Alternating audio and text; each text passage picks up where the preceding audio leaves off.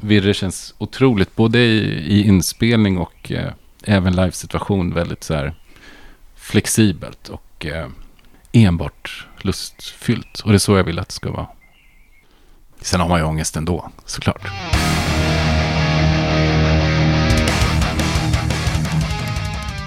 Solen skiner, fåglarna kvittrar och eh, samhället börjar så smått öppna upp igen. Underbara tider. Så jag passar på att ta en eh, utomhusfika med Patrik Virén. Honom känner vi ju alla som sångare och frontman i Misery Loves Company. Men eh, nu, imorgon till och med, är det dags för han att göra solodebut. Under namnet Virre släpper han fem låtar och eh, Ja, vi snackar om både det och Mr. Loves Company såklart. Vill du stödja Rockpoddens eh, framfart och fortsatta arbete för ett fritt och brett kulturliv så går du in på patreon.com rockpodden. Där kan du för eh, 20 spänn i månaden eller mer bli en av dem som sover extra gott om nätterna. Annars så funkar det såklart också med en liten swish-slant till 070 77 38 200. 77 38 200. Nu flyttar vi över till eh, verandan på Torpet i Orhem. Synnerligen trevlig plats där detta avsnitt spelades in. Du lyssnar på Rockpodden. Patrik Wirén är veckans gäst. Jag heter Henke Branderyd och jag önskar dig en god lyssning. Då säger jag varmt välkommen till Rockpodden Patrik Wirén. Tack så mycket Henke, vad trevligt att få vara här. Ja, fasen vad trevligt. Utomhus, årets första utomhusavsnitt. Alltså? Mm, Mm. Men du det vara. brukar sitta utomhus och prata? Det är något per år, men det är inte jättemånga. Nej. Nej. Hatar du fågelkvitter? Jag älskar fågelkvitter. Och Då borde du göra det här oftare. så älskar här att det är noll eko utomhus. Ja, det är sant. Mm. Just det. Ja, det här är ju perfekt. Ja, Jag, jag ska sikta på att det blir fler. Hur är läget med dig då? Jo, tack. Mm. Det är bra. Det är bra med mig, tycker jag. Ehm, ja, ja, men visst. Det känns väl lite som att vi är på väg in i någonting annat. Det är lite ljusare kvällar. Det, eh, det betyder någonting. Mm. Också naturligtvis också med... Äh, det går ju inte att, om man frågar hur läget är och bortse från hur det senaste det, 14 månaderna har varit. Ehm, så ja, men det känns väl som att många av oss anar någon sorts ljus där i tunneln. Mm. Någon slags förändring är på gång. Ja. Vad nu den kommer innebära. Ja, Jag börjar tycka att det vi inte. känns genuint spännande. ja. Att få gå tillbaka till. Eller det är väl inte det vi gör och få kanske. se hur folk kommer bete sig och se vilka beteendemönster vi tar tillbaka rakt av och vilka som aldrig. Mm. Jag hörde något nu om England som typ har öppnat igen. Att så här, det är ingen folk som går på bio. Är det så? Jättemycket folk som går på teater och live, saker som är live, men bio. De hade haft en undersökning och fick inte ens ihop folk som ville fylla i blanketterna för det var ingen folk på bion liksom, på någon stor premiär. Så. Ja, det är sant. Ja, vem vet. Ja, nej, men vi har säkert ändrat våra vanor en del under den här tiden. Men ja, precis. Det återstår att se på vilket sätt. Folk verkar ju vara ute i skogen mer. På tal om fågelkvittret. Ja, Det är ju en ny grej ja. som säkert kommer att hålla i sig. Folk verkar väl vara lite mer sådär reflekterande och kanske, ja, eh, ska man lämna Stockholm, liksom, ut på Ja. landet-grejen. ja, det pratade vi om innan här och det är ju någonting som jag umgås med varje dag, de tankarna. Ja, du är ju inte den enda. Verkligen inte, verkligen. Nej. Fast det är ändå, det är, alltså Stockholm är ju lite så. Mm. Alltså alltid, det har alltid varit så. Det finns en sorts hatkärlek i den här stan. Som jag tycker om väldigt, väldigt mycket. Jag tror det är faktiskt därför jag tycker om Stockholm. Det finns liksom inte den här, inte samma lokalpatriotism på samma vis. Utan alla är lite så här gnälliga. liksom, Ja. Det är världens bästa stad, men det är också världens sämsta Ja, stad. ja, jag är ju liksom nybliven stockholmare, så jag känner ju mig fortfarande bara som jag är här och hälsar på. Liksom. Men då, hur länge har du varit här då? Eh, Nybliven fem år, är det fem år har jag bott här. Är det sant? Ja. Är det bara fem år? Ja. Jaha. Wow, välkommen. Ja, tack. Så det är verkligen det som jag fortfarande bor på brorsans soffa. Ja. Eh, det jag skulle säga apropå att lämna stan, jag hade en elektriker på mitt landställe förra veckan. Han berättade för mig att det går typ inte att få tag i några spisar längre. Aha. De är så slutsålda, folk håller på att bygga så mycket kök. Folk håller på och boar så in i helvete. Japp, Men det där känns lite, jag vet inte. Det där tycker jag inte om riktigt. Nej. Det är lite tråkigt. Renoveringshetsen, eller det där. Folk som köper något ganska nytt och, och så är köket inte riktigt i den stilen Det man är vill jag också ha. emot. Det, det känns ju... Och sen, nej men det är klart. Jo men corona har väl inneburit att folk är hemma på ett helt annat sätt så man vill ha det mysigt Ja. hemma. Eh, men jag tycker det är lite tråkigt. Men det finns ju många som bor i ruckel också som de vill ta tag i kanske. Jo, jo. Ja.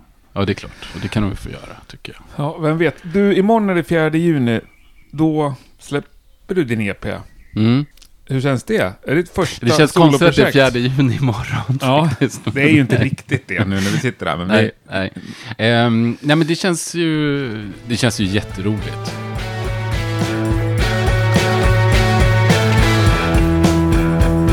Västkust eller lämna landet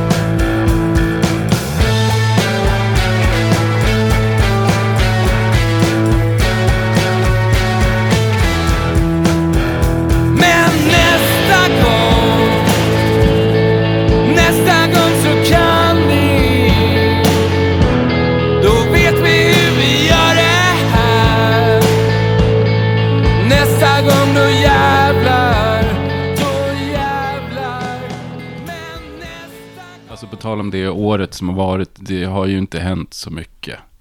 Och jag mår bättre när det händer saker. Till exempel att jag får släppa musik och Mm. sådär. Eh, så det, det känns fantastiskt. Det var ju lite dålig timing med Misery. Corona var väl dålig timing vad gäller mycket. Men, men men just för rockband var ju... Ja, vi, alltså det var inte, jag vet, jag har många vänner som drabbades mycket, mycket hårdare, som hade liksom långa turnéer inbokade och så här, det hade ju inte vi riktigt. Men vi hade ganska nyligen släppt en skiva och vi Mm. hade saker på gång eh, som ställdes in. Och eh, alltså som det var då så kunde jag inte ens åka till Uppsala. Vi testade väl lite grann så här att Örjan och Michael i bandet skickade lite filer. Och jag har en lokal i Skarpnäck där jag, ja, dit jag gick och sjöng lite. Men det kändes så himla tråkigt faktiskt. Mm. Eh, Det var liksom, vår grej bygger mycket på att vi, man gör det tillsammans. Liksom, Mm. i, en, I vår studio i Uppsala. Så då, ja, men då blev det att jag plockade upp den här grejen. Ehm, har alltid, eller alltid, men jo, men med jämna mellanrum nästan hela mitt liv testat att skriva på svenska och sådär. Men aldrig riktigt fått till det. Ehm, men den här gången så gick jag hela, hela vägen och, och känner mig otroligt peppad. Det känns eh, jäkligt så förlösande och kul och 100% lustfyllt också. Inga förväntningar, ingenting, utan bara, bara någonting som var ja, extremt givande faktiskt. Underbart. Ja, verkligen. Men har du haft ändå, finns det liksom små strofer, både av text och musik kanske, på den här EPn som, har, som du har burit med dig genom livet? Um, Nej, inte riktigt. Alltså, för fem år sedan var det väl, tror jag. Eller kanske, ja, men kanske sex år sedan så gick jag ett år på Skrivarakademin. Efter Mm. jag hade gjort en, en bok, eh, Revolten, Rörelsen, Refuse, så ville jag liksom testa mina vingar. Du först skrev en bok, sen gick du bok ja, till men, ja, men lite grann att ja, men då tyckte jag nog själv att jag förtjänade Mm. att få, få ägna ett år åt skrivande.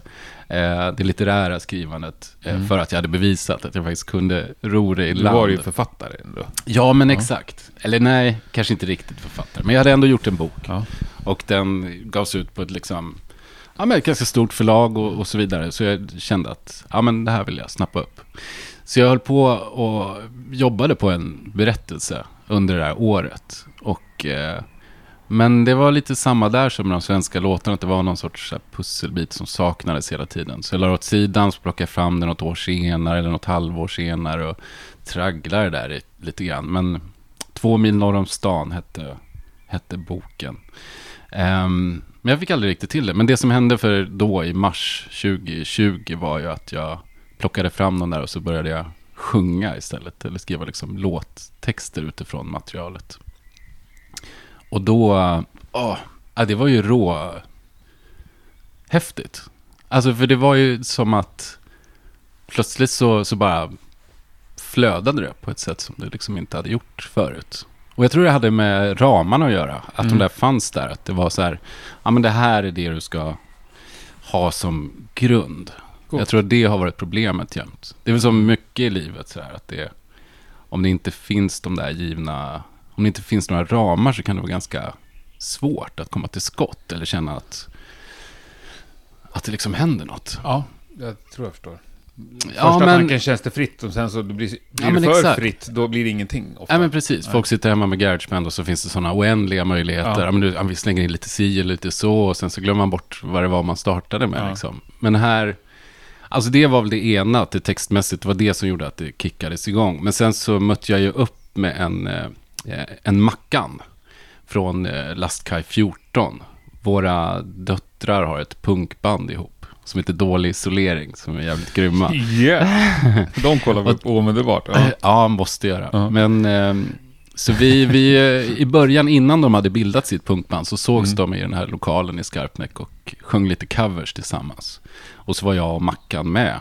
Och så var det vid något tillfälle som han sa att, ja men hojta om du liksom vill göra något någon gång. Och då sa jag att, ja men jag har ett gäng låtar som jag har spelat in på Garageband hemma. Och eftersom han är, han är ju faktiskt en bra gitarrist till skillnad från mig. Och, och Ja, men så jag, jag skickade låtar till honom och det är så vi gör fortfarande. Jag skriver någonting hemma och så mejlar jag iväg det till honom och så möts vi upp i lokalen. Och det som händer nästan alltid är att eh, vi skalar av, liksom tar bort mycket av Det det är ju väldigt naket. Ja, Underbart. ja, men det var också något så här som, som gjorde att det här projektet blev ganska ehm, lätt på något sätt. Att Mm. jag så, det var, jag menar, hitta formen.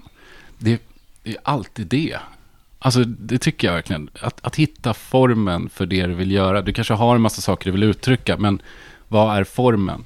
Och eh, här, tack vare honom, eh, rätt mycket, tycker jag, så, så blev det tydligt vad det här ska vara för någonting. Och så var det bara att köra på. Men det blev inte Virre och Mackan, utan det blev Virre. Ja, det blev virre. Mm. Ja, men det blev det. Jo, men så... Så mycket var han inte delaktig. Nej, men han är ju med i bandet Virre. ja, jaha, så Virre är ett band? Virre är ett band. Ja.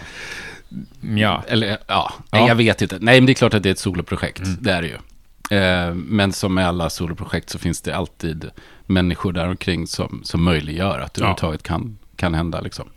Självklart. Men vi har ju vi eh, har ju inte spelat live så mycket förstås. Eh, men vi spelade här på Torpet i Orhem som har en kulturcontainer några dagar innan första låten släpptes. Och då är ju Mackan med på gitarr. Schysst. Då är det gitarr och sång.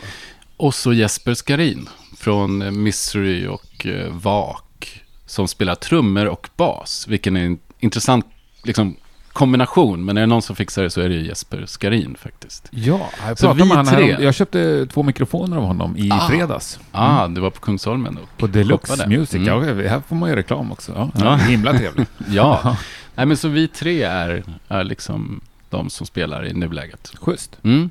Men viljan är att fortsätta spela live. Ja, alltså, ja verkligen. Mm. För mig är det roligast. Mm. Alltid. Eller jag, jag vet inte om jag, om jag skulle tycka att det var värt att hålla på om jag inte fick spela live. Men, Det men, kanske låter konstigt. Jag, alltså det är klart att jag får en kick av att skriva det och, och, och sådär. Jag gillar den grejen. Men, men det är ändå belöningen är någonstans att få spela det live. men det kommer inte konkurrera med Mr. Loves Company? Alltså, som det är nu har jag jättesvårt att Alltså se det det. nu... nej, Nej, jag, alltså, nej men är det någonting... jag eh, tänker hur många live-dagar har du i dig om året? Ja, alltså...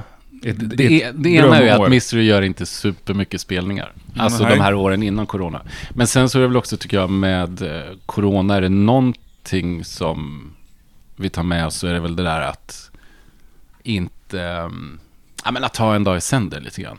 Alltså det är klart att det kan vara så om ett år att Mystery och Virre bokas samtidigt, men det, jag har ingen aning. Jag, jag, eh, det känns avlägset nu. Som sagt, Mystery spelar inte jättemycket ens vanliga år, men Nej.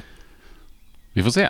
Det vore, se. en, eh, det vore underbart om det blev så, för det innebär ju att båda är ute och spelar en del. Jävla liksom svung för hela rockvärlden nu. Ja, Fan, det var ju en rocklåt som vann Eurovision här i helgen. jag har hört talas om det. Jag har inte Jag hört gick in låten idag själv. och lyssnade på den. Från Italien, va? Ja, det är en riktig rocklåt. Ja. Och då som i glamrock. Varför sa jag det? Snudd Ja, men jag har på nog sett en bild på action rock liksom. Ja, Jag vet inte. Ja. Ja. Det- det- Vad ska jag säga då utan att... Ja, nu... Du låter lite peppad. ja men jag blev peppad.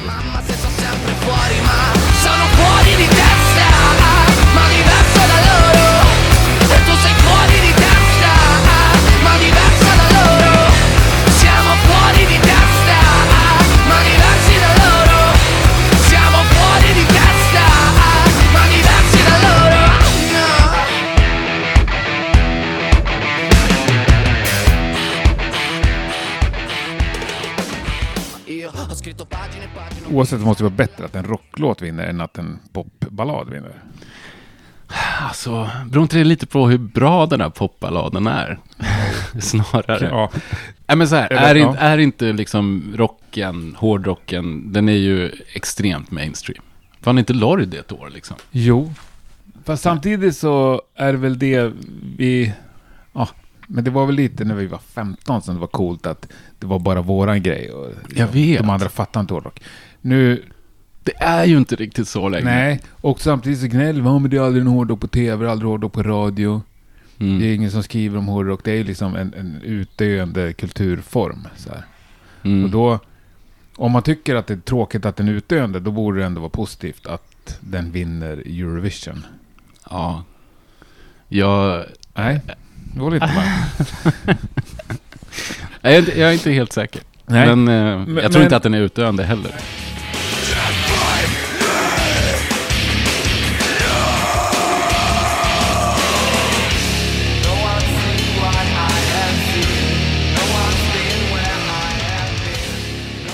Tycker vi måste snacka lite om Misery Loves Company. För det är ändå Ja. ett, liksom...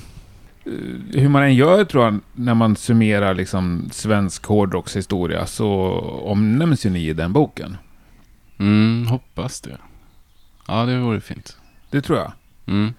Ja. Känns också så här utifrån som ett band som, när det fortfarande gick att liksom få ett skivkontrakt, göra en debutplatta och slå igenom. ja, precis. Ja, det var ju andra tider. Ja. Men slå igenom, alltså vi var ju...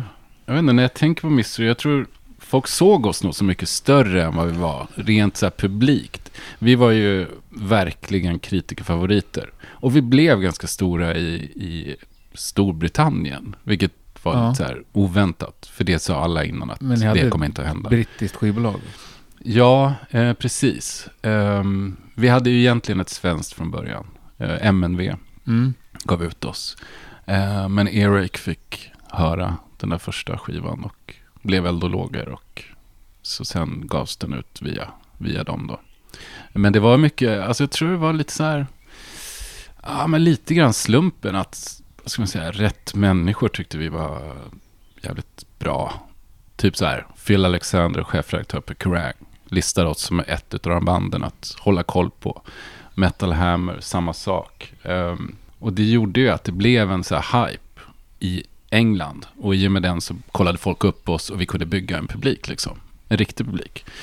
Men om man ser till här i Sverige så, jag minns inte att det var så jävla mycket folk på våra spelningar så här egentligen. Men däremot så vi fick ju en Grammis och vi Mhm. kallades för liksom landets bästa hårdrocksband och så vidare i kvällspress och så.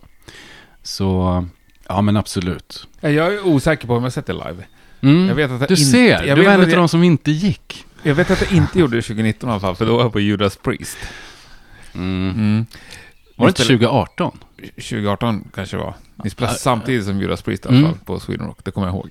Jag tror att, alltså, eller som det känns just nu så var det nog den bästa spelningen vi någonsin har gjort Mm. faktiskt. De sa det, de som var där också. Nej, och jag vet att jag bad om ursäkt till Jörgen Sandström innan, att jag kommer missa er ikväll. Ja. Dit jag Det ville, kom, okej, dit jag ville det komma. Ja. var att jag köpte i alla fall er debutplatta. Jaha. Och det kan jag... Alltså, det låter kanske konstigt, men det vet jag liksom inte varför jag gjorde. Men jag köpte jävligt mycket skivor och köpte det som kom som var intressant och bra. Liksom. För jag Mm. inget... Alltså jag känner igen flera låtar om man lyssnar igenom skivan idag som jag gjorde. Men jag har inget minne av att jag var någon superfan. Jag var inte... Jag tror det är en Ministry-skiva och eran. I en enda som var liksom Mm. någon slags industri sådär. Mm. Eh, så det jag tänkt, alltså det var ändå stort. Liksom Mm. lite genomslag när, när folk ändå, ja men den här skivan ska jag köpa. Ja. Nej, jag vet inte. Jag kanske förringar det lite grann. Nej, men det absolut. Hur mycket sålde ni av den? Får man fråga det? Av debuten? För på den här tiden såldes ju Alltså, jag skivor. har ingen aning. Vet någon hur mycket de sålde? Alltså på den tiden? Nej, jag vet inte. Vet Nej, nej, jag tror inte det. Jag tror... Fick man inte reda på det? det Nej, jag, jag tror det var lite stökigt där från Ja. skivbolagens håll. Eller så var det bara att vi själva hade så dålig koll, precis som de flesta andra. Jag kan verkligen inte säga någon siffra. Men där mitten, slutet på vilja. 90-talet, när man ändå var ett Mm. band som var stort. Mm. Då behövde man inte fundera på att ha ett dagjobb va? Eh, nej, alltså ekonomiskt hade det nog varit bra emellanåt tror jag. Men det var ju väldigt svårt. Mm. Eh, eftersom vi eh, turnerade så pass mycket. Eh, så det tog liksom all, all tid. Och det fanns ju också pengar i musikbranschen. Vilket betydde att så här, skivbolag kunde eh, hosta upp en del pengar för att göra den här förbandsturnéerna och sådär. Att man För ni gjorde några feta sådana? Ja, vi gjorde några. Ehm, ja, på tal om Jörgen så gjorde vi ju med Machine dock Mm. en tum runt Europa några månader. Vi gjorde några månader med Paradise Lost och eh, sådär. Men de, eh, de gick liksom i varandra ganska Mm. mycket. Men, men hur såg det ut där? Hur snabbt skedde det liksom för er? Eh, alltså i Sverige hände det ju jättefort. Alltså vi, jag och Örjan som bildade bandet hade väl, vi gick ner i, han hade en liten studio, han jobbade mycket med en sampler och gjorde mycket så dansorienterade prylar och hade jobbat en del med Graham Lewis, kommer jag ihåg, från Wire eh, då, när vi träffades. Ehm, och eh, Alltså jag tror att vi kanske hade skrivit tre, fyra låtar så kom en, en, eh, en John Cloud från MNV ner till studion och ville lyssna. Och eh, då nämndes det att Close-Up skulle ge ut någon samling i samarbete med MNV. Eh, Extreme Close-Up som skulle följa med tidningen och där man presenterade så nya, nya band. liksom. Älskade de skivorna. Ja, ja jäkligt grymma. Och jag tror att, det, att de också snappade upp ganska bra grejer så här. Ja. Nu har jag inte sett de här skivorna på. Jag kommer inte ihåg vilka som var med riktigt. Men jag tror att det är en del, en del band som det gick rätt hyggligt för. Liksom. Alltså vi var med på den och, och den spred, den blev så här recenserad i liksom kvällspress och morgonpress och så här. Och, och vi fick, ja men vi utmärkte oss en del i de här recensionerna tror jag. Så att MNV bestämde sig för att de ville nog liksom ge ut något med oss. Mm. Ehm, och vi hann väl, alltså när första skivan släpptes så var det ju, det var så här helsida i Expressen. Martin Karlsson gick bananas och tyckte det här var det bästa han hade hört i princip. Men så rubriken var så här typ, det här är Sveriges bästa hårdrockare och så där. Så var det någon stor intervju med oss och så någon recension av plattan och så där. Eh, och den fick ju superbra recensioner och vi, vi gjorde mycket spelningar. Vi öppnade för Thåströms, Peace Love and Pitbulls, vi öppnade för Teddy Bears, vi åkte runt med Clawfinger, Marybits Jane, liksom alla som ja, höll på då. Och sen i utlandet, alltså i alla fall i Storbritannien så gick det ju extremt fort också från att skivan gavs ut. Och egentligen redan innan tror jag. Någon av de här tidningarna, jag tror det var Kerrang, kanske Metal Hammer, ehm, som hade med ett par låtar med oss med någon tidning, sådär, någon, någon samling, eh, innan skivan hade kommit ut. Och vi flög över till London och spelade på Camden Underworld. Och det var så här skitlånga köer. Alltså det var innan första skivan hade liksom getts ut där. Det var så här superhype, Mm. liksom verkligen. Så det var, det gick jättefort, gjorde det. Men det gick lite, det var väldigt oväntat. Alltså för att jag kommer ihåg hur snacket var. Ja, men det här är Tyskland, du vet, det kommer bli, det, de kommer att älska det. Men Storbritannien, det är ingen idé att kolla ens dit, att de är så trendkänsliga och det funkar inte liksom. Och för oss, alltså som jag upplever så var det nog ganska mycket tvärtom. Att vi fick traggla rätt hårt i Tyskland Mm. för att få folk att tycka om oss. Medan man i britterna gillade oss direkt liksom. Hur gick det för er liksom? Den mentala hälsan? Alltså det var ju... eh, alltså det var ju... Ja. Alltså den första tiden var ju bara rolig. Alltså Mm. det var sådana kickar hela tiden. Man så här, åh, du vet, Dino från Fear Factory snackar om oss. Eller eh, Youth från Killing Joke gör en remix på Kiss Your Boots. Eller det var så här storslagna grejer som hände hela tiden. Och, ehm, Men det finns ju Men- folk som kan ha svårt att handskas med den typen av framgång eller uppmärksamhet. Eh, Ja... Ja... Ja... jag vet inte. Nej. Men jag vet också att, att men precis som allt i livet så blir det så här, ganska snart blir det en sorts så här normaltillstånd och sen så, ja det kändes lite tungt ibland. Det kändes tungt att åka runt med Paradise Lost i två månader varav en stor del av tiden var i Tyskland och vi kände att vi hade jättelite gemensamt med deras publik och, och sådär. Eh, så det var väl lite tungt, men ja, jag vet inte. Det var ju, det var väl samtidigt jävligt härligt att det hände liksom. Mm. Ja, coolt. Och så om vi ska... Nu kommer jag göra den här historien kort liksom. Ja, gör det. Ni släppte fyra plattor där, eh, sent, eh, mitten och sent 90-tal. Ja, eller tre kanske. Mm. Ja, vi gjorde en, någon så här EP med typ Ja. lite live-låtar och sånt där. Ja, men okej. Och sen blev det liksom 20 års paus. Ja, det ser ju ut som det. Ja, men ta oss med. Ja, nej men det, det var ju, ja precis, vi la ner 2000 eh, för jättelänge sedan. Och då, alltså jag, jag kan ju inte prata för någon annan, men jag, men jag tror att för min del så var det nog lite, vi hade gett ut eh, Eurovision was never mine to share, eh, som jag tyckte var en superbra skiva. Men det var ändå lite så här, man gav sig ut på en Europaturné, eller ett par kanske, och det kändes så här, Eh, ja, nej men här händer det nog inte så mycket mer. Det var lite Nej. så här samma ställen och samma, samma. Eh, och jag vet inte hur det där var med Erik heller. Vi kände nog inte att det var hundra rätt då. Men hur såg publiken ut då jämfört med liksom fyra år tidigare? Var den Eh, större eller mindre? ah, jag vet. Grejen var att vi, fyra år tidigare gjorde vi så himla lite, ehm, vi gjorde så lite headline-grejer Mm. liksom. Vi, vi verkligen var det här bandet som var förband runt om i, i Europa framför allt. Ehm, så vi hade gjort ganska, det var först på Eurovision som vi började göra egna liksom Europa-svängar och så här.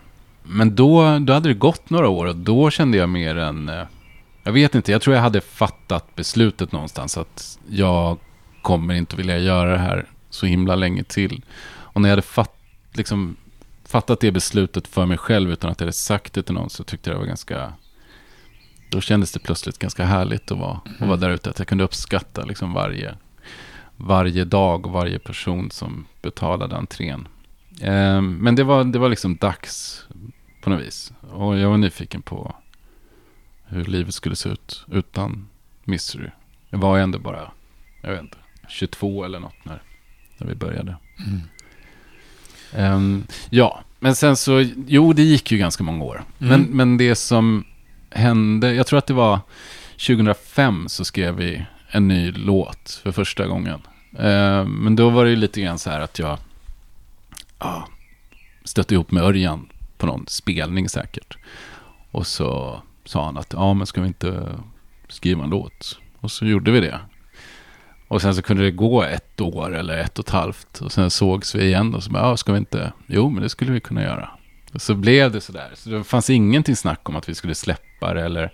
Det var bara, det var vårt sätt att umgås. Vi hade ju liksom inte, vi lärde känna varandra i studion. Vi hade liksom aldrig gjort något annat tillsammans än att skriva låtar och så här. Så det blev en naturlig grej.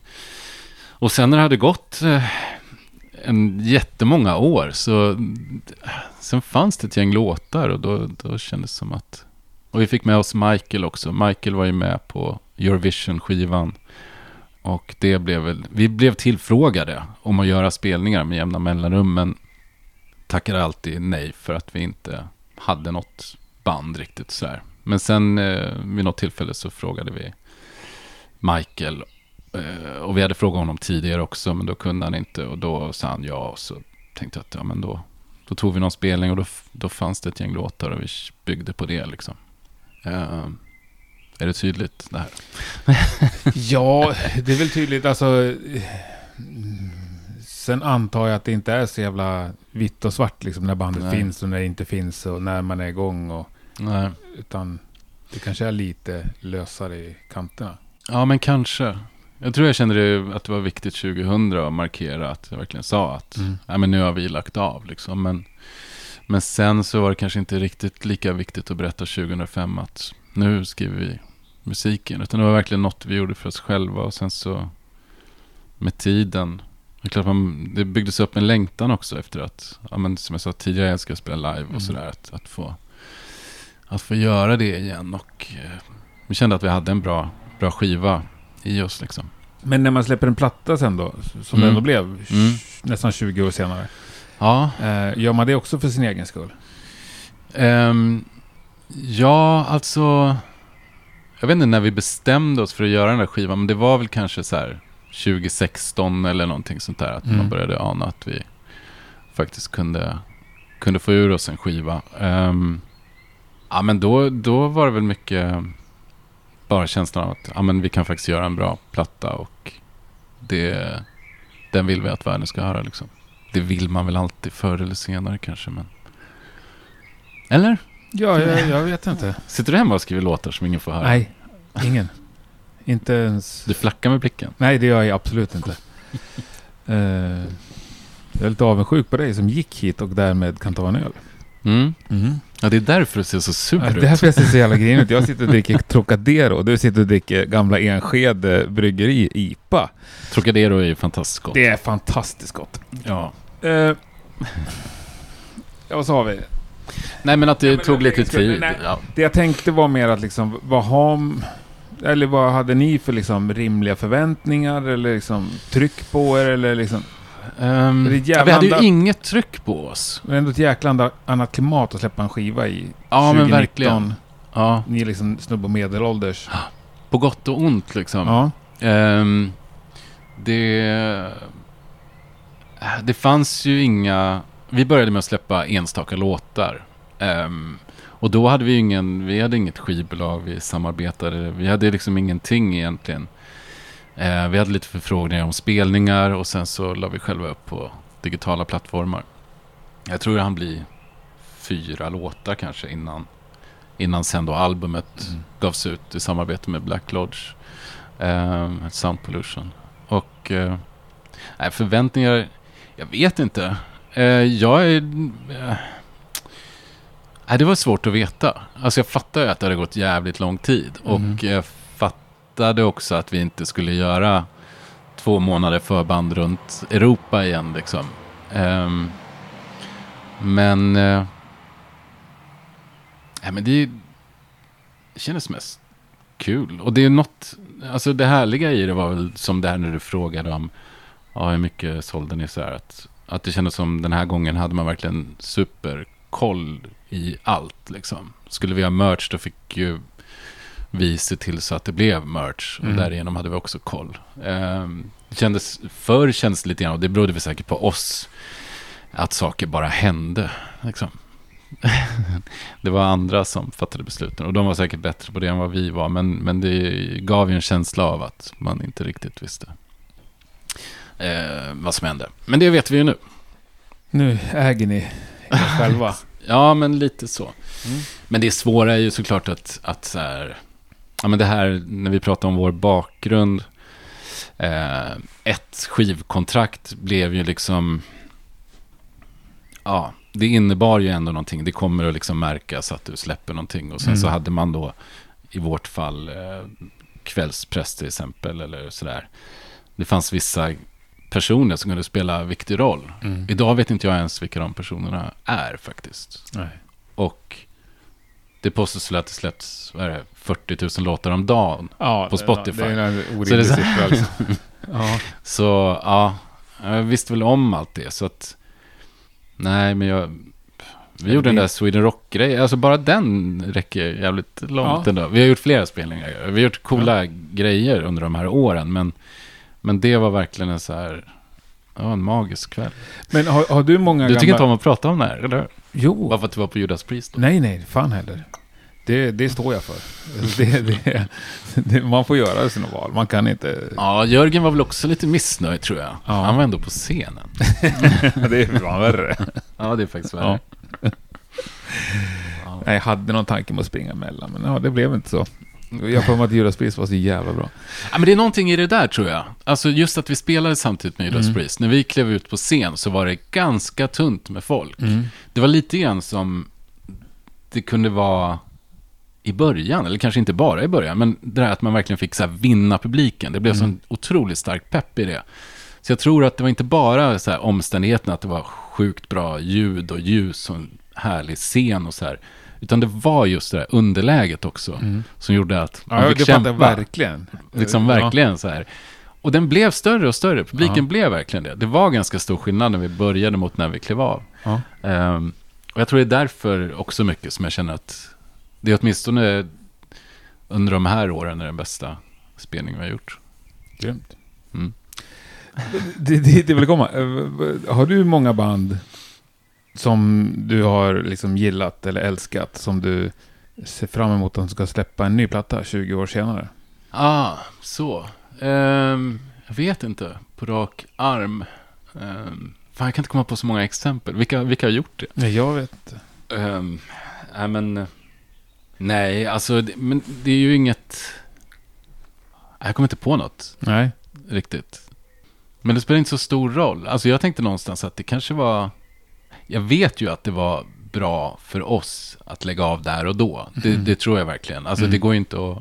Eh, det, det, det var dags liksom. Och jag vet inte vad som hade hänt om vi hade liksom fortsatt. Det känns som att ett sånt där break också gör något. Nu blev det ju väldigt långt, breaket. Men, men att det... Vi var tillbaka av helt rätt anledningar. Kanske det, dit jag vill komma egentligen. Om vi hade fortsatt och liksom accepterat vår roll i det där Mm. ekorrhjulet Mm. av att släppa nytt och så vidare. Så vet jag inte hur eh, bra plattor vi hade liksom gjort till slut. Nu blev det verkligen någonting så här, vill vi verkligen det här? Hur mycket vill vi det här? Ehm, det var bara upp till oss. Det fanns liksom ingen runt omkring som sa att ja, men nu borde ni göra det här och det här. Utan, och det är också en skillnad tror jag med, mellan med oss och många andra. Att vi hade inga så här, vi hade inga feta avtal eller kom och spela på den här festivalen och få några miljoner. Det var ingenting sånt. Vi kunde Nej. inte... Det är klart att vi åkte lite räkmacka att kunna spela på schyssta scener på stora festivaler. Men, Ja, men det var jag- inte så här, Nej. vi har inte tjänat några pengar på att Nej. återförena Missouri. Nej. Alltså verkligen inte. Så att det, ja, det, det var någonting annat liksom. Ja, lite mer organiskt och eh, Ja, passionerat. Kanske. ja. Ja. Men om vi glider över på Virre. Mm. Eh, ja, vi börjar, varför valde du det som eh, namn? Alltså jag har ju kallats Virre i hela, Mm. hela mitt liv. Mm. Eh, så det... Jag vet, alltså det är klart jag skulle kunna haft något sorts så här gruppnamn eller något. Men det, ehm, det kändes mest naturligt. Patrik Wirén. Patrik Wirén, ja. Mm. Nej, jag gillar ju Virre. Mm. Jag, det, jag känner nog att det, att det är jag. Mm. Eh, och... Eh, nej, men det var ju så tydligt min grej. Och då, då kände jag, ja, vad fan. Det är klart det känns konstigt att se så här, när jag kollar på Spotify, att det står Virre. Det är ju så här märkligt. Men, men... Eh, För det är ju också lite så här kompis... Alltså jag tycker det är ganska tråkigt att snacka bandnamn med band. Men jag Mm. tycker det är väldigt roligt att prata soloprojektsnamn med soloprojektsmänniskor. ja. Ja. För det blir så jävla personligt liksom. Mm, Folk tänker olika. ja. Du vet Henrik Palm till exempel. Ja, just det. Han är ju som mig, det är ingen som kallar honom Henrik. Alla säger Nej. Henke. Ja. Men alltså, nej men det kändes så oseriöst att säga Henke. Liksom skriva det på en skiva, så skrev han Henrik istället. Och så kommer jag och skriver Virre. Ja, men lite, du tänker uppenbarligen tvärtom då. Ja, kanske. Men jag tyckte så här Patrik ja, det lät så himla... Ah, jag vet inte. Det var inte så mycket, det var inte så catchy. Och så Patrik Isaksson och sådär. Det är ju bara, ja, men ändå så här Thomas Ledin, Patrik Mm. Isaksson, Thomas Andersson, vi. Eller, alla, de, många stora artister heter ju bara sitt vanliga namn. Ja, just det. Mm. Tompa Eh. Ledin liksom. Tompa, Mm. Tompa. Ja, just det. Jo, Det, det, vad heter han som sjunger Hammarbylåten? Kenta. Kenta. Ja, Ja, Kenta exakt. Virre. Ja. Ja. Ja, men det är okej. Jag trivs med det. Mm. Jag tycker Virre. Det, ja, men det, det, det heter ju som... Ja, det är jag. ja, det är jag mig glad att höra. Det var ingen ifrågasättning, det var en nyfikenhet. Ja, Eh, ja men rimligt. Finns det något mer liksom än dig, din fysiska kropp, som är gemensamt med Virre och Mr. Loves Company? Som du ser. Um, alltså det, det, det gör det nog. Även om det kanske är svårt. Um, alltså man tittar på det lite utifrån så ser det ju lite grann ut som motsatser. Vi pratar om det här minimalistiska, Ja. nerskalade. Medan Mystery verkligen är ju så här wall of sound där det byggs lager på lager av, av ljud. Herregud, det är liksom saker som händer i våra låtar med Mystery som inte en människa någonsin har uppfattat. Men de finns där liksom. Här är det verkligen, ja, där är en gitarr och så kommer det in ett, ett piano och spelar några få toner. Eh, så på så vis så kanske det ses, man kan se det som en motsats. Men, men det är ju, det är ju jag. Eh, och eh, jag tänker mig ändå någonstans i uttryck att det finns något. Ehm, jag har inte analyserat det så mycket. Det men- finns ingen beståndsdel som du verkligen känner att du ändå tagit med dig så här. Alltså i sådana fall så är det väl... eh, Alltså jag tror att jag har liksom... Jag är ganska mycket fostrad av Mystery på många Mm. sätt. Det är ändå Mystery jag tillbringat mest tid i studio med och sådär. Att jag... När jag reagerar på saker och ting så... Och det finns i ryggmärgen så är det någonting som jag ofta fått med mig därifrån tror jag. Men... ehm, ja men textmässigt säkert tror jag. Att det nog kan... Om man tänker sig lite så här... Själva uppbyggnaden liksom. Mm? Nej, kanske inte så mycket uppbyggnad som tema tror jag. Alltså, alltså tänkt lite på det där att det, det känns väl lite grann som att alla som håller på med textskrivande egentligen skriver lite av samma text varje gång. Fast den, alltså att man har någon sorts så här, någon grej som återkommer liksom. Ja, är inte det också två olika skolor, eller? Är det det? Hur menar du nu? Att vissa människor eller band har liksom ett budskap, så att säga. Mm. Eller en fråga de brinner för jävligt hårt. Och så bara Mm. kör de bara den bara. Fast i liksom tusen olika former. Däremot, mot, och vissa människor liksom vill ha tusen små olika idéer. Mm. Där det kan vara helt spretande. Mm. Ja men okej då. Men Jag om man vet tänker inte. så här. Det här är nej, min- men jag bara, Okej, och nu kanske jag kommer landa helt fel. Du får ju klippa i sådana Ja.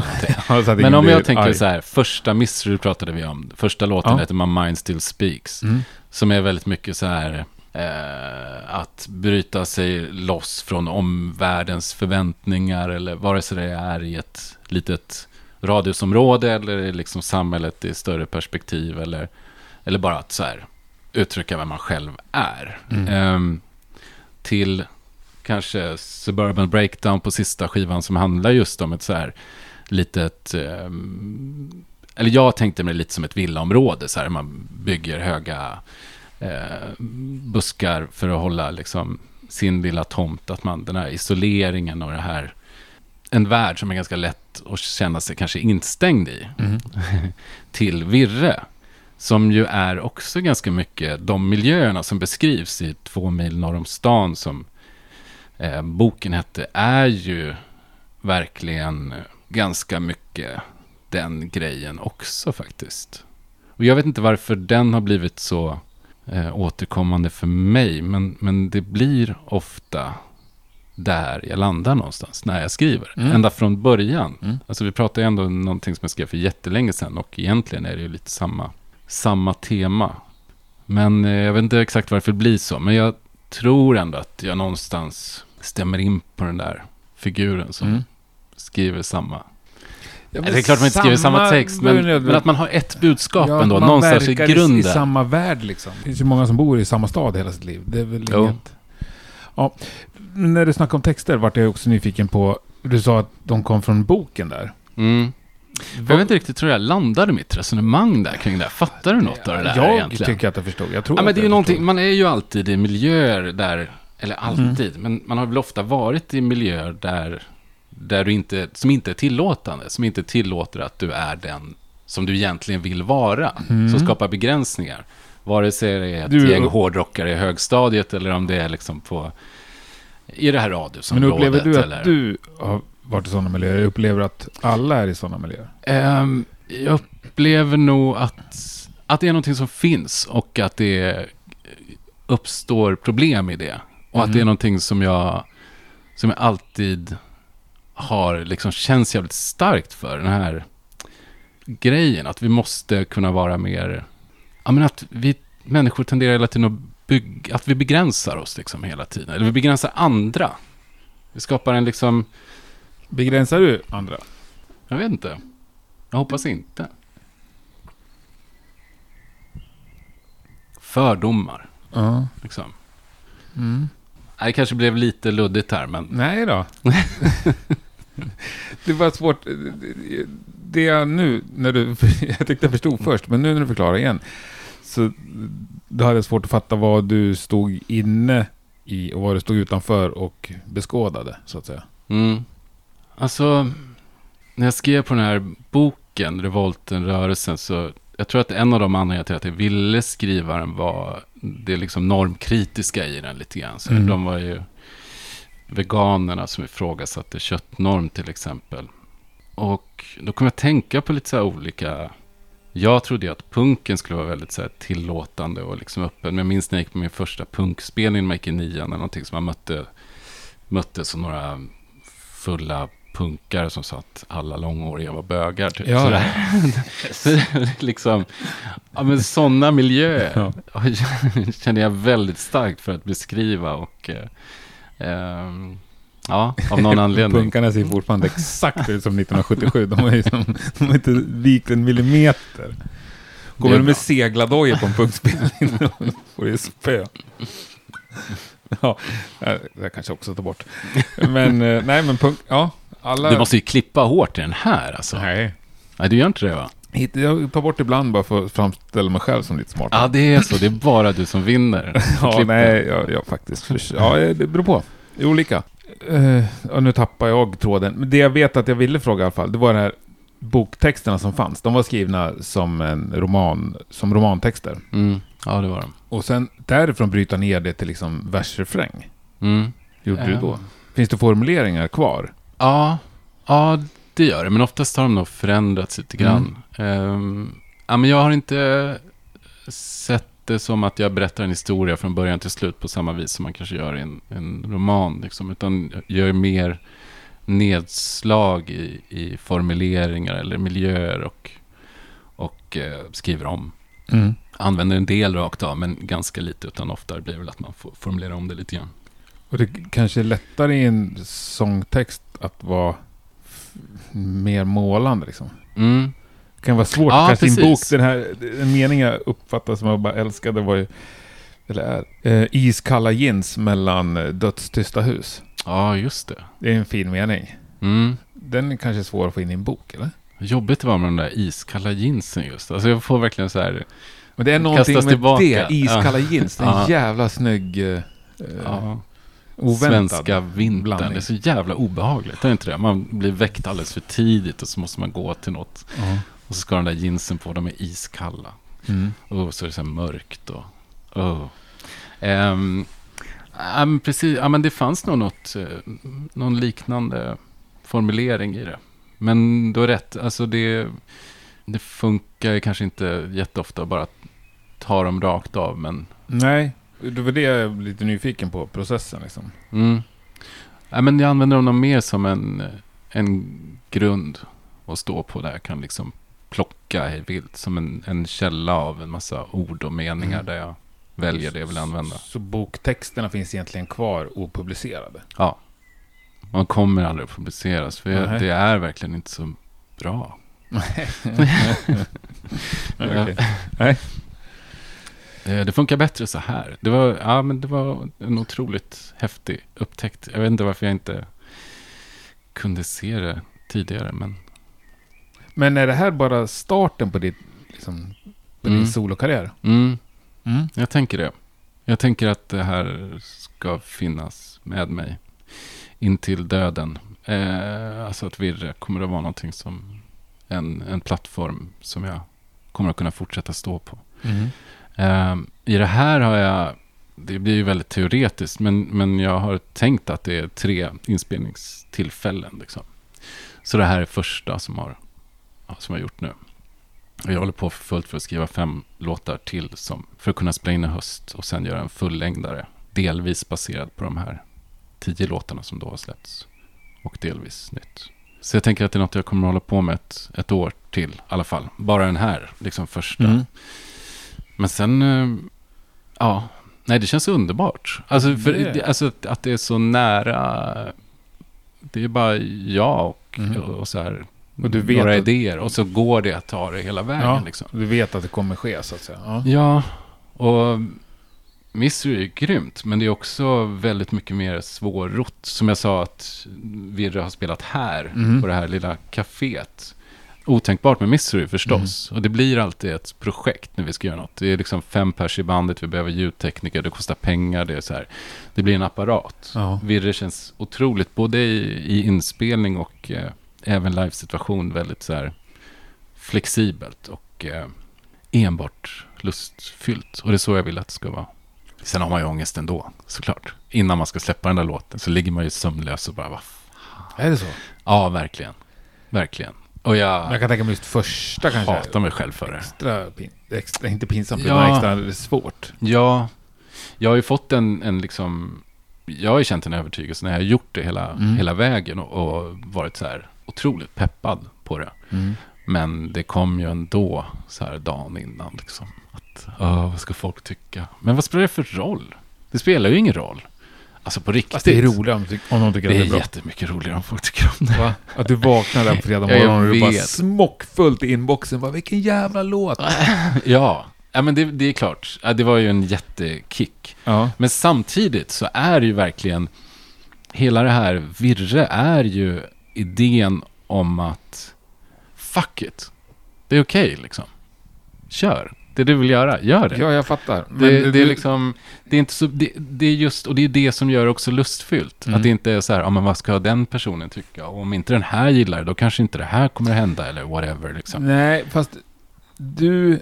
De här fem låtarna, Mm. rangordnar du dem på något sätt? Vilken, finns det någon du tycker är bäst? Om vi är så ytliga. Ehm, ja, alltså egentligen så tycker jag om den som heter Två mil norr om stan. Mm. Eh, jag vet inte om, egentligen så... Så här, om vi skulle sitta några stycken här nu så säga, ja men spela en av låtarna. Mm. Då skulle jag nog inte spela den. Nej. Men för mig betyder den mest. Det Mm. var den första låten jag skrev. Och den är ju mer än någon annan verkligen. Eller den så här presenterar ju liksom miljön och karaktärerna och, och allt det det handlar om. Och den är så jävla mycket vers. Och det är liksom ingen riktig refräng. Det bara, den bara fortsätter vers på vers. Ehm, och det var, ja, det var viktigt för mig att, Mm. att kunna göra den sortens låt. Mm. Ehm, så den, den betyder nog mest. Mm. Ja, okej. D- Dit jag vill komma och det blir liksom kanske lite fånigt på något sätt. Men om jag leker med tanken i alla fall att du på något sätt ändå har låtar som du tycker själv blir bättre och sämre. Mm. Då är det ju rimligt att tro att även mottagaren tycker likadant. Liksom. Då Mm. kan ju åtminstone det vara en nyfikenhet. Liksom. Vilken Mm. som Ja, men absolut. kommer vara bäst. Jo. Nej, men en nyfikenhet, jo men det är klart, det, det finns det ju. Jag är ju jättenyfiken på Mm. vad folk ska tycka och sådär. Och sen vet jag inte det här med... Ja, men jag vänder mig lite, alltså lite grann bort från bäst och sämst tror jag. Alltså för, för alltså nu så sa jag att två miljoner om staden är den som kanske Ja. betyder mest för mig. Just att det var så här första låten jag skrev och allt Mm. det, det jag sa. Men, men jag skulle kanske inte säga att det är bästa låten. Nej, jag skulle jag- inte säga att den är bättre än någon annan. Nej, jag fattar. Det blir lite fånigt att använda det ordet också. Men om du tänker så här då. Om ett år så kommer någon av de här fem låtarna ha mest streams på Spotify. Ja, just det. Det blir ju väldigt Vilk- konkret så länge de har de det där är? siffrorna Ja, där. det är ju superkonkret. Här får du Eh. svart på vitt vad folk tycker. Jag har ingen aning. Ehm, många gillar en kompromisslös idiot.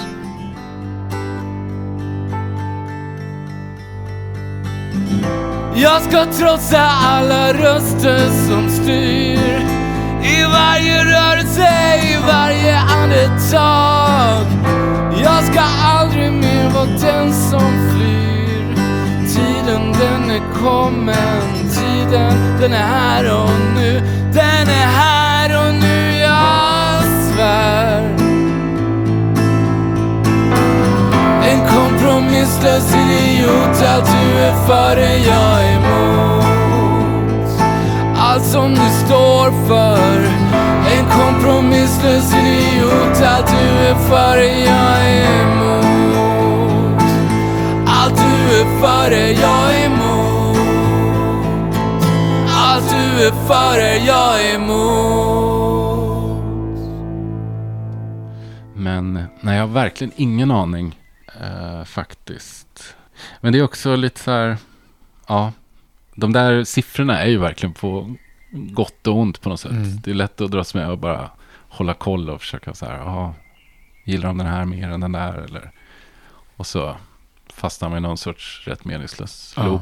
Nej, det, liksom. det, jag förstår att det där måste kunna vara ångestframkallande om man släpper på det liksom. Ja, man kan inte göra något. Det är ju bara så här. Men det är väl det som är så här spänningsmomentet också. Kommer Ja. någon av låtarna vara, liksom, jaha, gillar de den där låten Det är klart du kan göra det. Du kan sätta och mejla tusen pers och bara skriva snälla gå in och lyssna på min nya låt liksom. Ja. Det finns ju folk som gör sånt. Jo, jag vet. Och det är väl bra. Alltså jag gör ju det här helt själv. Så Mm. jag har ju skickat några mejl. Men jag, jag pallade inte riktigt. Alltså jag tänkte nog inför Mm. att jag skulle skicka många fler mejl. Men det slutade med att jag skickade mejl till, till folk som jag har en relation till. Liksom. Jag pallade inte de där, hej, jag eh, är vanligtvis sångare i bla bla. Alltså det, det blev, eh, det kändes inget bra. Och det, så här, ja. Det kanske är dumt. Det är klart att det är bästa är att bara Nej, mangla ut och tjata Men sönder. Vissa, vissa är ju enormt ihärdiga liksom. Mm. Jag har ju, Rockpodden har ju en spellista, jag tror att han har 11 eller 1200 följare. Det är ju inte jättemycket på Nej. Spotify liksom. Jag får ju mejl från hela världen som har lyckats snu, leta på den här listan liksom. Och det är bara Som vill att du ska lyssna på deras låtar. jag vill att jag ska lägga med den på spellistan. Ja, liksom. ja. Och det är bara svenska, och, eller nordiska band, men liksom 95% svenska band. Mm. Men det är Lönar det sig då? Får de några låtar på listan? inte de... Jag svarar vänligt men bestämt att this is for Swedish and Nordic bands only. Ja. Liksom, men jag menar att folk är ihärdiga och sitter och letar upp små spellistor Mm. på Spotify och kollar vem det är som administrerar dem och mejlar till dem. Liksom, snälla, Mm. adda den här låten. Liksom. ja, men jag tror att det där är en... Nej, men nu ju mer när vi pratar om det så här så känner jag dem att det är ganska rätt att inte, för mig i alla fall, ge sig in i det där för mycket. Att det blir som... Det flyttar fokus till någonting som blir ganska jobbigt. Ja, varför svarar han inte då? Ja. Liksom, ja, nu, fan jag mejlade igår om den här låten till den här spellistan. Och, eller jag mejlade 50 pers igår Ja. och ingen har svarat. Vadå, är det dåligt eller? Vadå, tycker alla att det här är kass? Men det är väl så vad? man jobbar med promotion. Jo, visst, visst. Ja, ja nej, men precis. Nej, men det är klart att man vill att folk ska höra det man har gjort. Så det är Mm. någon sorts så här, balansgång där. Men nu blev det så här. Och lite grann för mig är väl också att jag, jag ser det som jävligt långsiktigt. Det där som när du frågade om, om det kommer mer. Jag Mm. tänker verkligen att det här är någonting som kommer att finnas eh, så länge jag lever. Och det, det gör att varje låt har inte sån... Det handlar inte om den låten, eller det här släppet. Det handlar inte ens om den här EPn med de här fem låtarna. För jag kommer att göra en till. Och sen kommer jag göra en till. Jag fattar, det är en liten, liten del av ett jätteprojekt bara. Ja. men lite så, faktiskt. Det, ja, precis. Det är nog det. Det är nog Mm. därför kanske som jag kan också ha lite is i magen vad gäller de grejerna. Att det är som inte något jag... Ja, nej, det, det här är bara början. Men när jätteprojektet liksom börjar ta form sådär, hur, hur, har du någon drömbild om hur det ser ut då? Alltså, vad, om... Ja, tre, fyra år? Mm. Ja, men jag tänker mig att jag, att jag släpper grejer varje år. Eh, jag tänker att jag får en publik Mm. Jag vet inte hur stor den är. Det är kanske inte är jättemånga. Eller så är det det, men ehm, jag tänker att, eh, ja, att jag kommer att kunna ha lika nära till från den här låtidén till inspelning till släpp som jag, som jag har idag. Att det liksom Mm. är, ja men jag gillar lite det här att varje, ja men det blir som små beståndsdelar i någonting lite större. Att det blir som ett helt, att det inte så, handlar så mycket om här är låten. Mm. Utan att det verkligen är, eller ens att det här är albumet. Utan det här är liksom, här är Virre och Bara rinner. Ja, men lite så. Kranen är påslagen Ja. nu. Bara, ja. Det kommer ju ta tvärstopp nu, det känner jag. Man, man får inte prata på det här sättet. Det är Du som... har utlovat hundra låtar. Exakt. Ja, men Det kör. kommer inte komma ett skit nu. Men du, när recensionerna börjar trilla in så här. Mm. Eh, vilka tror du att du kommer liksom jämföras med? Det? Recensenter är väl duktiga på att skriva lite vad de tycker att det låter som och sådär. Ja, precis. Um, än så länge, den här repen släpps ju i morgon då. då. Mm. Eh, så än så länge har jag bara släppt två låtar. Mm. Ehm, och eh, första var det vanligast med Tåström, den andra var nog vanligast med Beach Boys. Eh, vilket motsäger lite grann det jag tänker. Och det är att när man sjunger på svenska så finns det väldigt, väldigt få referenser. Alltså det är verkligen så här, det kanske Ja. är fem namn vi pratar om. Låter inte som Håkan Hellström eller vad finns det mer? Ulf Lundell är väl en sån där skola liksom. Tåström är en... Men eh, Winnerbäck har ju, men det, det Ja. tror jag du aldrig kommer få höra. Nej, men är inte han Lundell liksom? Eller kanske han inte är. Jo, det är han väl egentligen. Är inte det samma skola? Och samma skola är det väl? Ja. Ja. ja. men du ser, det blir ändå så himla få. Ja, men du, men du, du så- hamnar ju mer på Tåström-halvan och där finns det inte så många. Nej, nej, det gör nog inte Och det. som är, det jag tänkte mest på Tåström, det är liksom, det är ju din dialekt. Alltså Ja. stockholmskan som slår igenom. På något ord så här, så bara, fan vad det där lät Tåström. Mm. Ja, jag pratar ju... Ja, det pratar kan- jag stockholmska eller? Eller sjunger i alla fall. Ja.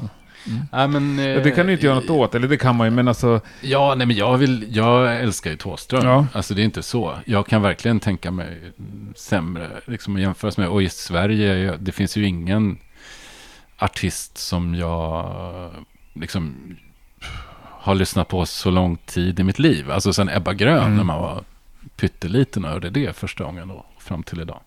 Så det är helt okej. Men det är bara, jag vet ju också att om man skulle plocka bort, om man tar den här låten, En kompromisslös idiot, Mm. så är den ju musikaliskt extremt olik Thåströms Mm. liksom, ljudbilder, det Mm. som han ger ut. Eh, men det är på svenska och ja, det blir, det blir lätt så. Liksom. Därför var det kul med Beach Boys-referensen, att den dök upp från ett par, par olika håll. Ja, den eh, missade Men, jag. Ja. mm, men, men jag tror, eh, ja, jag får se vilka.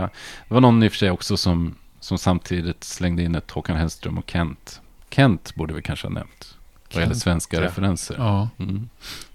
Så äh, det blir ju så. Mm.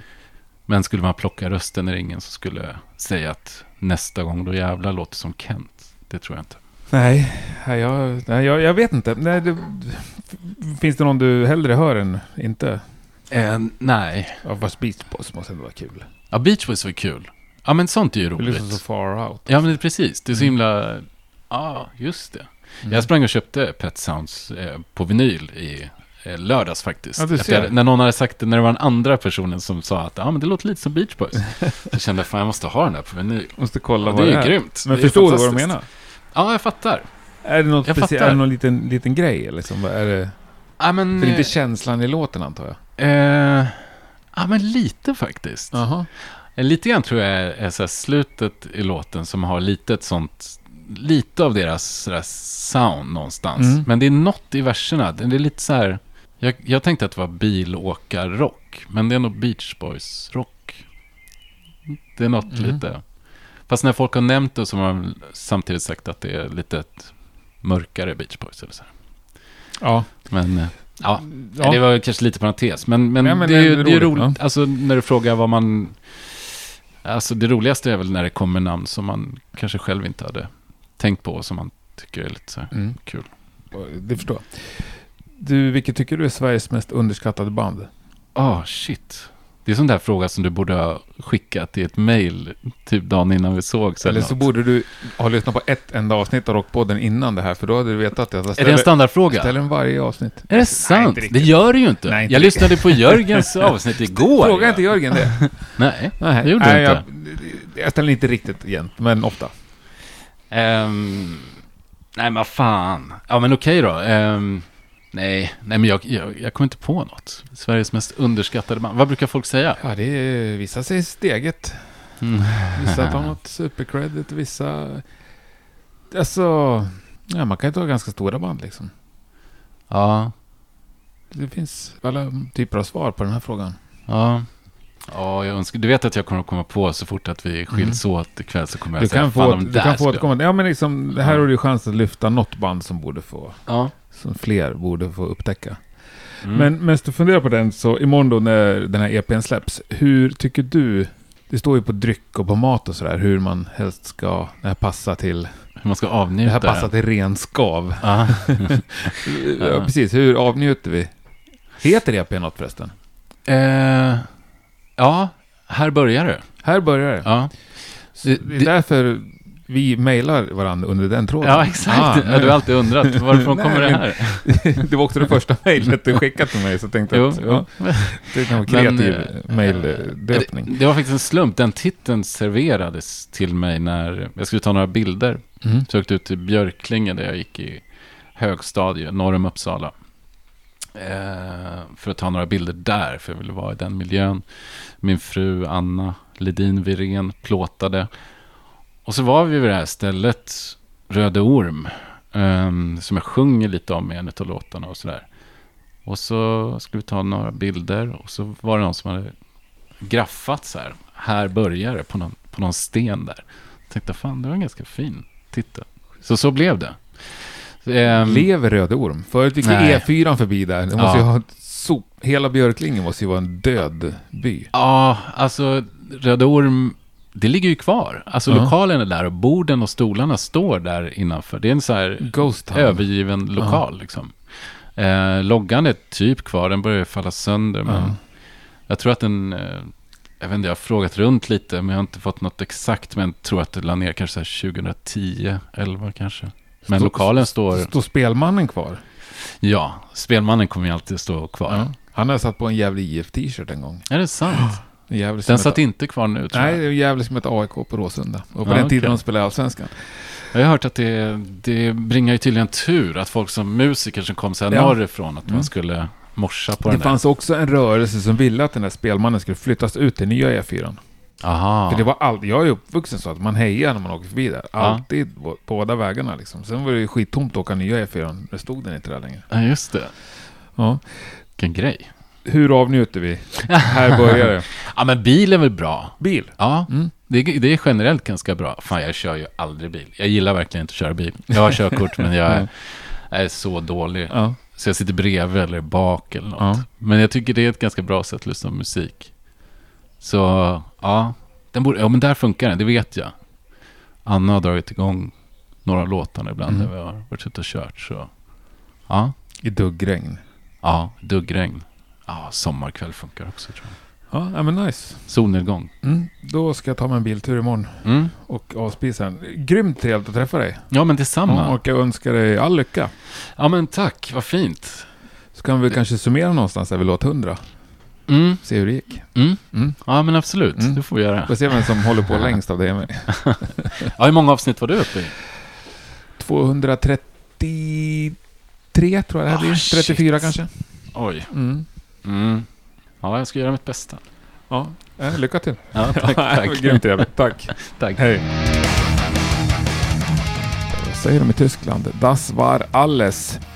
Stort tack eh, till eh, Torpet i Orhem för att vi fick låna verandan. Stort tack också till Gamle Enskede Bryggeri som bjöd åtminstone gästen då på eh, god fika. Eh, stort tack till Patrik och stort tack till alla, eller just dig i alla fall, som har lyssnat. Jag är så peppad. Eh, början av juni här. Och nu får vi köra små spelningar igen. 100 pers utomhus. Ös på. Jag vill gå på gig i helgen. Eh, det kanske jag ska göra också. I så fall ses vi där. Se till att arrangera ta fasen nu så hörs vi nästa torsdag. Ja, då blir det något helt annat. Både plats och eh, gäst, gäster eventuellt. Mm spännande värre. Ha det underbart. Vi hörs snart igen. Tack och hej!